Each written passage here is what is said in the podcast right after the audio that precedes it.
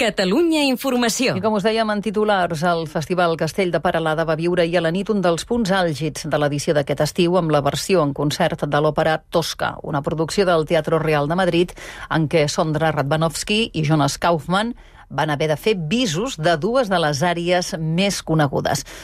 Informació des de Girona amb en Fèlix Martín i muntatge musical del Josep Plazas.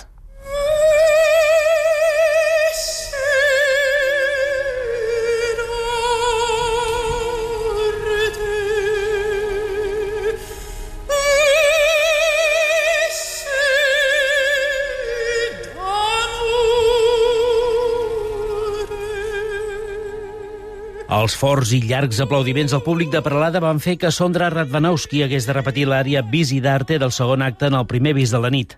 També el tenor Jonas Kaufmann va fer el mateix a Melucheva en l'Estele. I tampoc es va estalviar molts aplaudiments al baríton Carlos Álvarez, que per cert obrirà la pròxima temporada al Covent Garden de Londres amb el Rigoletto de Verdi.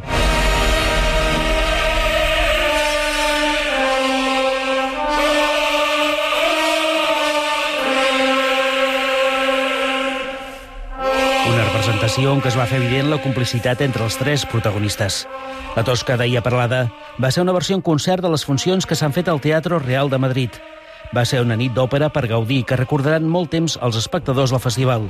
Però amb les limitacions d'aforament, només 700 espectadors hi van poder ser en directe. Sap greu, reconeix el director de Paralada, Oriol Aguilar.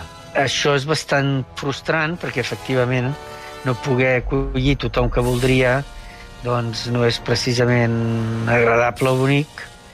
Les limitacions d'aforament són les que són i les hem de complir estrictament.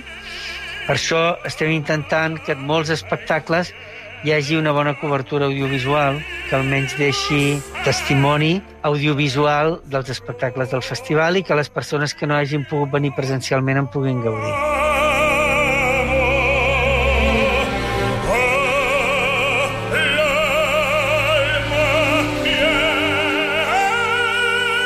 La funció de la nit es va enregistrar i es podrà veure més endavant al web del Festival de Paralada i a la plataforma digital del Teatre Real. La pròxima cita del festival és també amb la lírica. Serà dijous amb un muntatge en clau d'humor pensat per als més joves titulat Òpera Followers.